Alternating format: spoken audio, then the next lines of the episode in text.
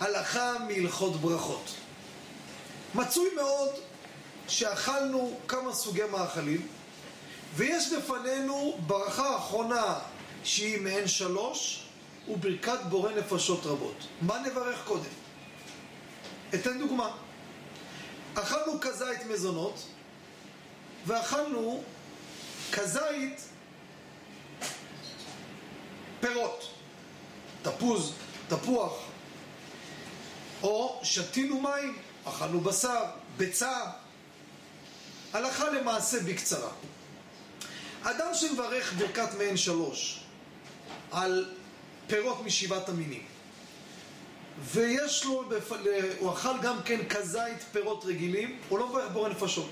כשהוא אומר על העץ ועל פרי העץ, זה כולל גם את הפירות ההם של בורא נפשות. אין לו בורא נפשות פה.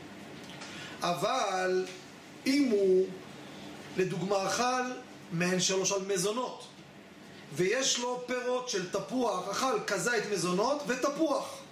יש לו פה גם בורא נפשות וגם על המחיה. פה הוא יצטרך לברך קודם כל בורא נפשות, אם זה פירות. אחר כך על המחיה, למה? אם הוא יברך על המחיה קודם, שם הוא אומר ואל תנובת השדה.